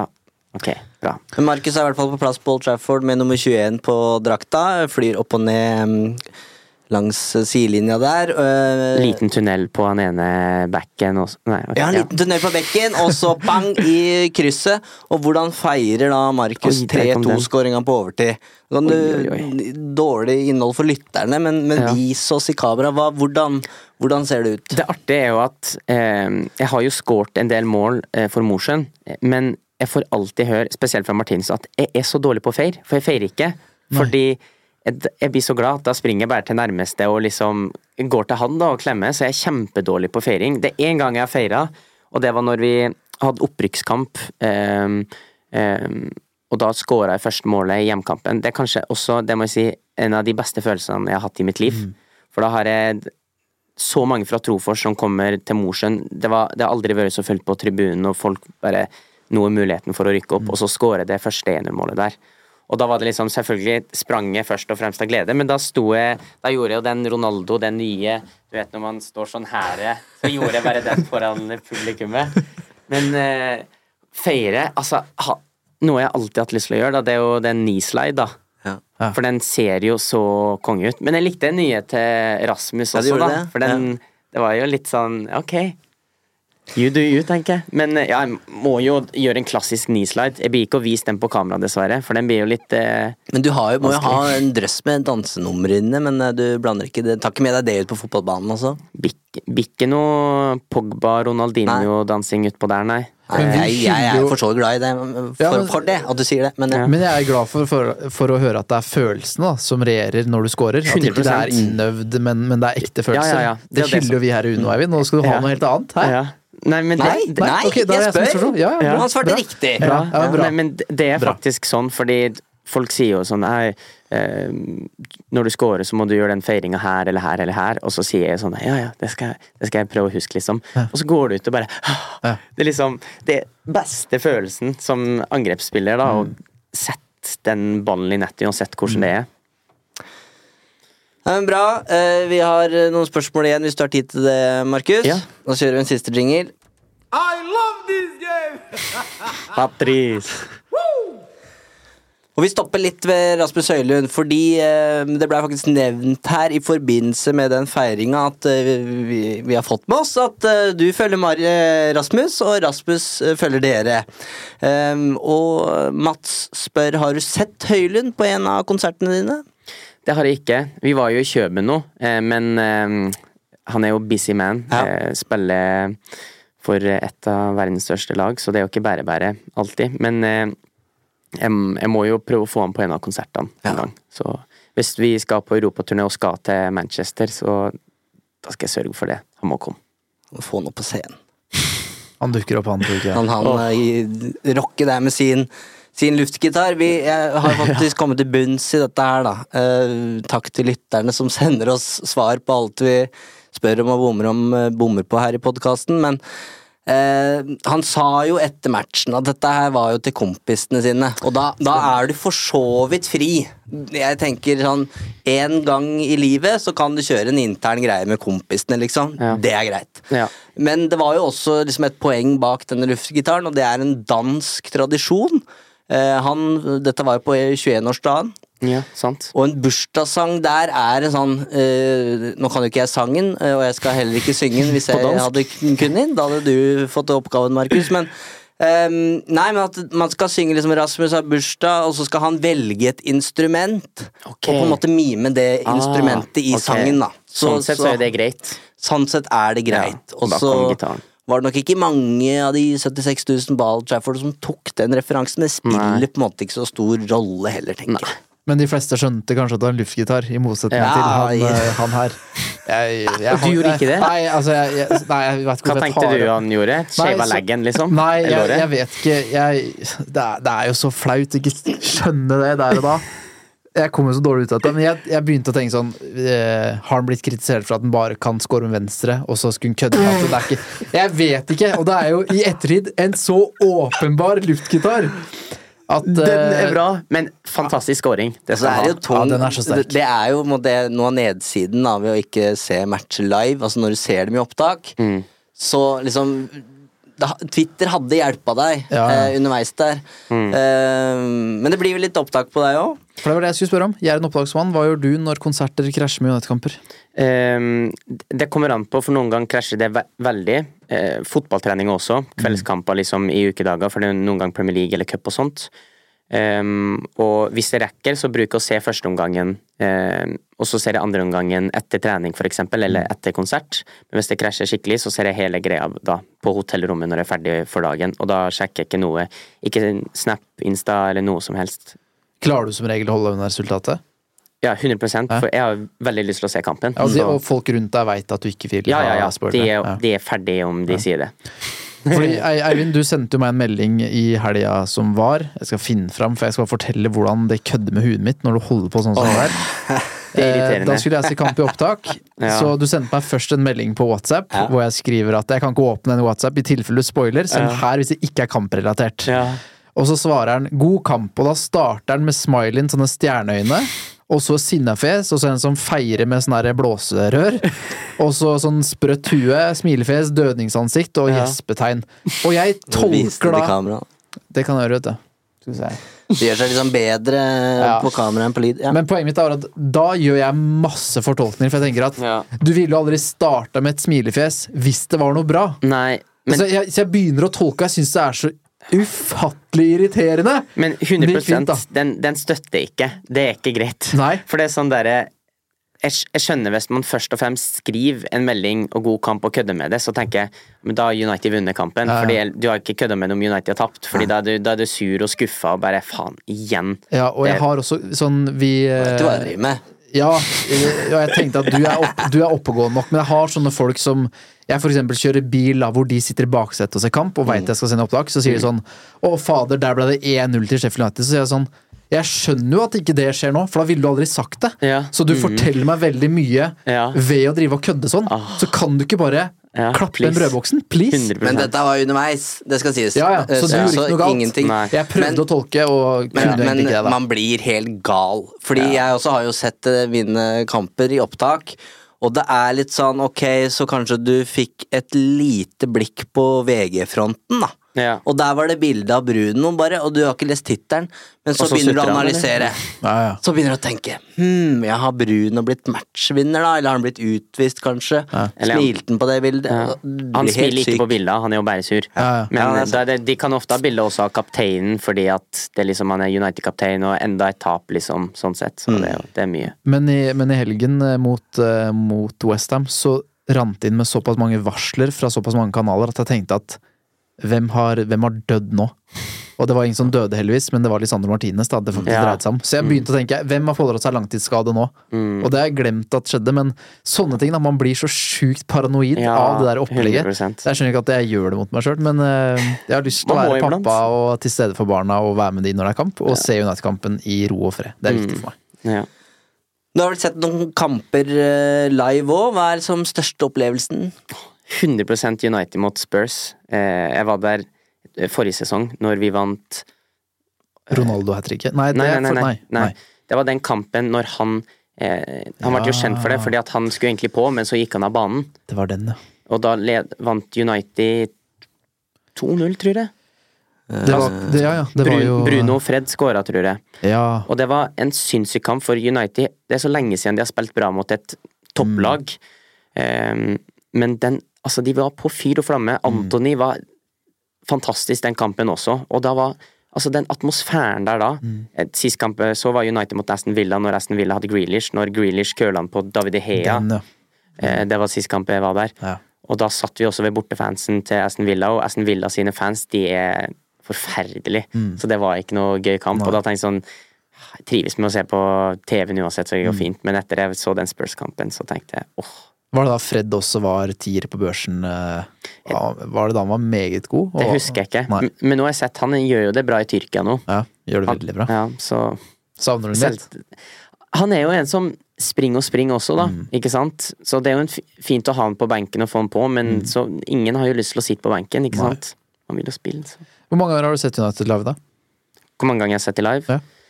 Jeg har sett i Norge, selvfølgelig. Mm. Jeg så United mot Swansea når de var i PL, når Darren Fletcher og Rooney og gutta var der. Ja. Da husker jeg Chris Malling blant annet skåra. Vi vant 3-0 da.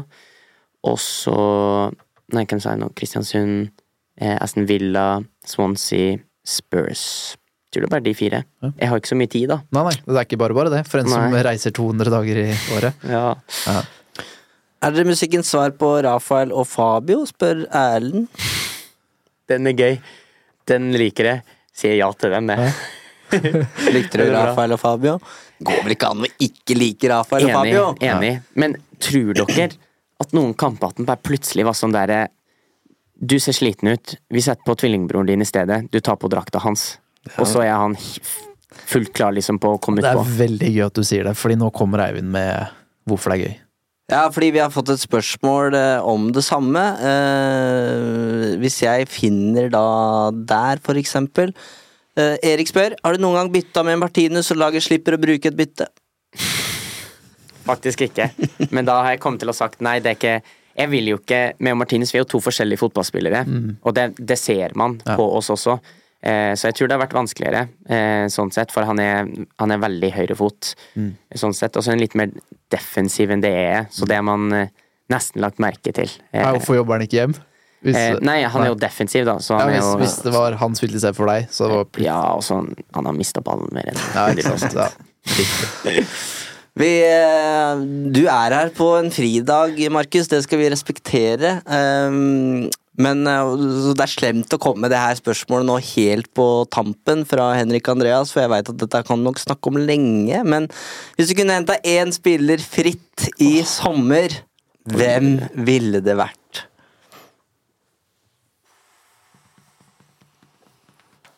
Oi, oi, oi. oi. Én spiller.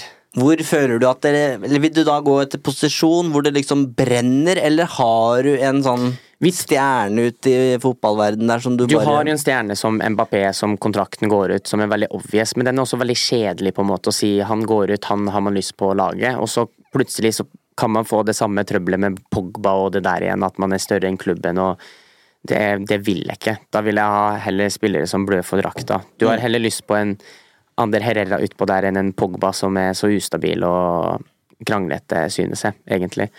Så sånn sett så, så tenker jeg sånn hvor, hvor har man mest lyst på? Man trenger en midtstopper. 100% Du har eh, to gamlinger der med Johnny Evans og Rafael Varan. Eh, kontrakten, kontrakten, til begge går ut til sommeren nå også. Og så er det ikke sikkert Varan signerer en ny kontrakt. De, skulle egentlig ta opsjon på et år lengre, de gjorde det på Lindeløv, men ikke med Varan fordi lønna hans er så høy. Så jeg leste at de prøvde å tilby han en ny kontrakt som var lavere lønn, men det er liksom ikke blitt enigheter der. Eh, så en stopper må man få inn. Eh, egentlig, eller en spiss også, Mm. sammen med Høylund, for han kan ikke gjøre alt alene. Han er 21 år gammel, og Martial han er handikappa, eh, nesten. Eh, han drar jo nå til sommeren, han også, ute. Ehm, så åh, Det markedet er, eh, det er Ja. vrient, ja, altså. det er veldig vrient. Manager Men kan og vi- kan jeg- spillermarked. en, noen som man skulle ønske å ha sett i United eh, Jeg har jo lyst til at United skal få henta inn en For vi har jo ikke så mye av ungguttene som skinner der bake som stoppere som man tenker det her er en, en for framtiden, på en måte. Man ser det på midtbanespillere og litt lengre fram. Eh, artig med Alvaro Fernandez som dro til Benfica, eh, som kanskje får vise litt nå, eh, men selvfølgelig vanskelig igjen. Det er jo Benfica, det er jo en stor klubb. Eh, men eh, en midtstopper, da. En ung midtstopper som man kunne fått inn. Jeg syns jo det er veldig spennende med disse portugiserne, Antonio Silva Silva, mm. og Igna, Ignacio. Ignacio eller Eller hvordan man sier det. Usikker, Ja. men eh, mm. jeg tror du Men det er jo to veldig spennende der, og man kunne fått en type lignende som Ruben Diaz til City, da. Ehm, som de traff klink på. Vi kjøpte han andre, vi kjøpte Lindeløf, som uh, ikke gikk helt som vi Nei. hadde håpa på. Så det har jo vært gøy å fått inn en av de. Jeg syns også en som virker veldig spennende, som man har dessverre sett altfor lite av, det er Joao Neves på midten der. Men igjen så har vi Kobi Mainu nå, ikke sant? Og du kan ikke ha Kobi Mainu og Joao Neves på midten der, to kjempeunge. Det tror jeg ikke. Det er viktig at du balanserer, eh, balanserer det. Så han også begynner for dyr også for, av det man har sett av han også, når han har en, en klausul på 100 mill. eller litt over der. Og det går De går veit heller å selge spillere, disse De- portugisiske klubbene. Det gjør de. Mm. 100% Og så skulle man Greenwood synes jeg er Det er jo en debatt der med hva man skal gjøre med han, selvfølgelig. Men han har jo Man vet at det er noe spesielt med han, og det ser man i Getafe nå også. At han har vært lenge ute, men så kommer han og spiller god fotball, var god mot Atletico Madrid blant annet også, og skårer mål. Så han, det, jeg syns det er vanskelig med den situasjonen der, men hvis ikke han skulle vært der, så skulle man jo fått inn en ving, for du kan ikke eh, ha Antony, da, som skal spille på den høyresida. Mm. Garnaccio har jo begynt å få til en god rolle der, men det har jo vært alltid tidligere at Garnaccio har spilt på venstre og Rashford vært på høyre fordi Garnaccio ikke kunne spille på den sida, men han har jo eh, gjort det ganske bra der, sånn sett. Men så er jo Garnaccio også ung. Jeg syns Olise virker veldig spennende. Eh, han har vel en klausul på 50 mill. nå til sommeren. Også, han, han har spilt ti kamper eller noe sånt av skade, men har mål, ni målpoeng eller noe. Han er en sånn ulykkesfugl, han òg. Ja, Så den er også vanskelig, eh, sånn sett. Eh, og så har du en, en spiss som du egentlig Du trenger en spiss sammen med han med mer erfaring, som Ivan Tony. Eh, men av det jeg har sett på sånn transfer market, så har han vært 35 mil, men det er snakk om en lapp på mellom 80 til 80, 80 til 100. Det går ikke. Nei. Nei. Men du da- kunne tenkt deg Tony basert på ferdigheter. Ja, og jeg tror det kunne hjelpe ham, for det, han er jo en smart spiss. Eh, og allerede det, det han har fått til nå når han har vært så lenge ute, eh, og så ikke med skade, da, men han kommer inn og skårer mål med en gang, ikke sant? Jeg er kjempefan, jeg. Så den, den Ja. støttes, den. Mm, så den det- ah, man, Som du hører, så skulle man hatt spillere i alle posisjoner, egentlig. La oss si Det er litt eh, artig å si Antonio Silva, da. Syns den høres veldig snasen ut. Få der, få, få litt eh, opp Eller han unge franske nå også på Er det Todibo? Nei, nei. Nei, eh, en- han har jeg faktisk også med, lyst på. Med y, noe yr i navnet oh, sitt. kan, jeg, kan jeg finne navnet hans? Juro.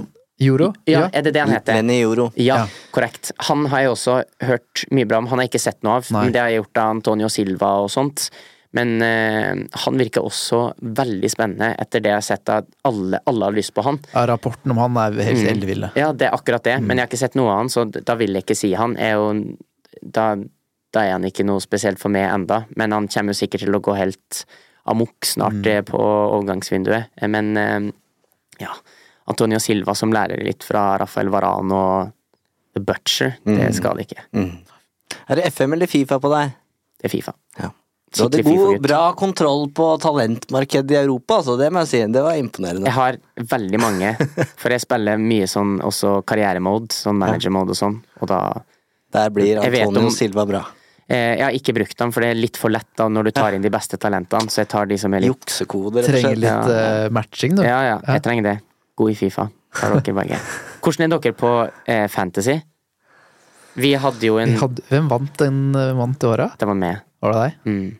Og jeg Banker en liten premie til deg der ute når er jeg er 99,9% sikker at jeg har mer enn eh, Hvis dere begge spiller, at jeg er mer enn dere. Ja, jeg, jeg- jeg- jeg er sånn ligger over sånn. Fredrik, det er jeg Ja. ganske sikker på. Du gjør men, det? men jeg gjør det ikke noe spesielt godt. Um, fordi nivået i redaksjonen er ganske dårlig. Um, Jeg vil bare at dere skal gå inn på topplista i Norge, ja. og så bare bla bitte litt ned der. Typ 15.-plass, 16.-plass. Ser. Ehm, finner ikke noe Markus der sånn umiddelbart. Har du falt på lista Nei, jeg her? Markus? Pokker, jeg falt ned. Ok, gå til 27, da. Ja, men det er er sterkt. Det er meget sterkt. Det er sterkt, ja. Ah, ja. Det er, og da snakker vi altså en uh, overall rank, som jo er det som betyr noe, på 480. Det er helt sjukt. Mm. Det er 10,5 millioner spillere Mm. som driver med dette, denne galskapen. 480 i verden. Så stor Ja, det er imponerende. Mm. Jeg er han som eh, Å ja, var det runde Begynte en fredag, ja. Ok. Eh, sånn. Nei, Så men jeg kommer alltid litt seint til bordet. jeg, altså, alt med fotball så er jeg Ja. så, jeg er så på. Og fantasy er også noe som er kjempegøy, og når man kobler av og Mm. du er på flyplass og Bussturer. bussturer setter ihop og at ting skal være på plass. Og, nei, det er- Dårlig med United-spillere der, men det, det er eh, sånn sånn er det det. må være akkurat nå. Ja, ja. De gjør det bra, Det men det er ikke så mange Lukter fantasy assets der. Lukter litt Høylund snart her nå, Ja. med den formen han kommer i. Men så har du spillere som er enda mer eh, målfarlig på målpoeng, da. Ja, nå er det dobler og blanks og alt. Ja. Nei. Og da faller jeg ut. Ja, det, det har ikke, det. jeg kan ikke si til barna nå må du vente Du på setter ikke opp skal fikse Excel-ark, fantasy. liksom? Nei, Nei. så det er liksom noe med Nei, men det jeg, skal Jeg er litt unnskyld, syns jeg, da. jeg skal prøve å komme gjennom det. Ja. Nei, men bra. Ehm, dette syns jeg syns vi fikk mye ut av deg, Markus, på Ja. halvannen time her. Eh, hjertelig tusen takk for tida di. Takk sjøl. Det var Håper godt det svarte å de forventningene fra, med tanke på at du sendte den første mailen som tiåring, og nå ender opp her Ja, ti år seinere. Ja, det her er jeg mer sett på som en ordentlig sånn koseprat, Ja. eh, og det er bare deilig. Det er det det skal være. Ja. Det siste, Vel- ja. det siste spørsmålet vi pleier å stille her, er jo hvem som eh, bør være vår neste hedersgjest.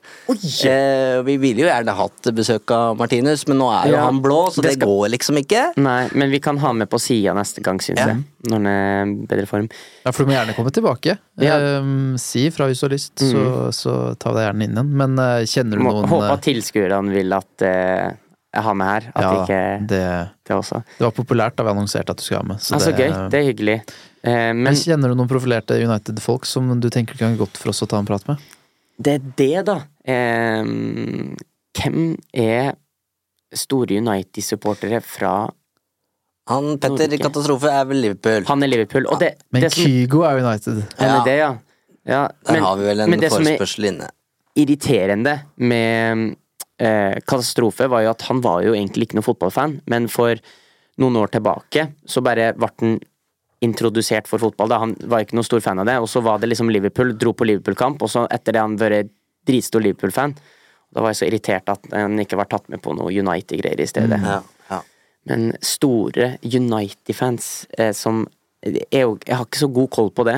Da, Hvordan du prater fotball med blant kjendisene i Norge, da? Hvis du er på noe kjendisfest, er, prater du fotball med noen da? Jeg er jo ikke så mye på de. Jeg er Nei. mer han der som går tilbake og slapper av i stedet. Ikke Jeg er ikke sånn eh, Det er det som jeg prater veldig mye fotball, men det er mest med kompisene mine. Jo, eh, Dennis Vareide vet jeg er United-fan. Ja, Den er fin. den er fin, ja. Staysman, da. Eh, Da, Han er sånn som har YNVA tatovert på siden av magen. Ja, det ikke det? kunne vært det. det kan dere kunne ha snakka om sikkert Fredrikstad og ja. Nei, men uh, Dennis Vareide, den, Ja. den syns jeg ikke var så dum, den er faktisk. Mm. Den er fin. Innspill. Lillesøstera, er hun blitt uh, smitta av Chelsea eller United? Eh, pff, ingen av delene, Nei. egentlig. Nei. You make me happy går på repeat hjemme hos oss uh, for fire og ringen om dagen. Happy, happy. Yes. Det må, det må sies, Barna mine er også veldig glad i musikken til hele familien. Ja. eh, Så det, det Ja, går både i tenkt. Emma og Marcus Martinus, så det, det er gøy. Hyggelig. Tusen hjertelig takk for uh, tida di, Markus. Mm. Det Takk er selv. veldig, veldig hyggelig å ha deg her. Ja, det var, det var en koselig prat, syns jeg. Vi håper du kommer igjen. Skal jeg ta Jeg tenkte faktisk det var eh, outro Og så tenkte jeg sånn Oi, det var dårlig lyd på den. Det der var en påminnelse om at uh, en pasient jeg kjenner må ta medisinene sine. Ja. Da ja, tror jeg vi runder av. Og da- da vi av. så skal du få introen vår her nå, Markus. Ikke like bra som introen, men fortsatt ganske Det får vi meg å bestemme.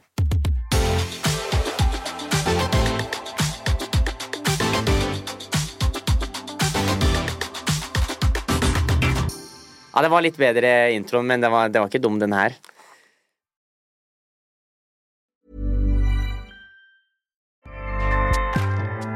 ACAST powers the world's best podcasts. Here's a show that we recommend. The Real Housewives is a guilty pleasure for most, but if you're looking to not feel guilty about that pleasure, tune in to Everything Iconic with me, Danny Pellegrino, where I break down all the messy moments and behind the scenes antics of Bravo's popular franchise. And on Everything Iconic, I also interview celebrity guests like Kelly Ripa, Kiki Palmer, Drew Barrymore, Cameron Diaz, and more about their guilty pleasures, their past work, and so much more. So if you're pop culture obsessed and find yourself watching way too much reality TV like me, tune in to Everything Iconic with Danny Pellegrino wherever you listen to podcasts.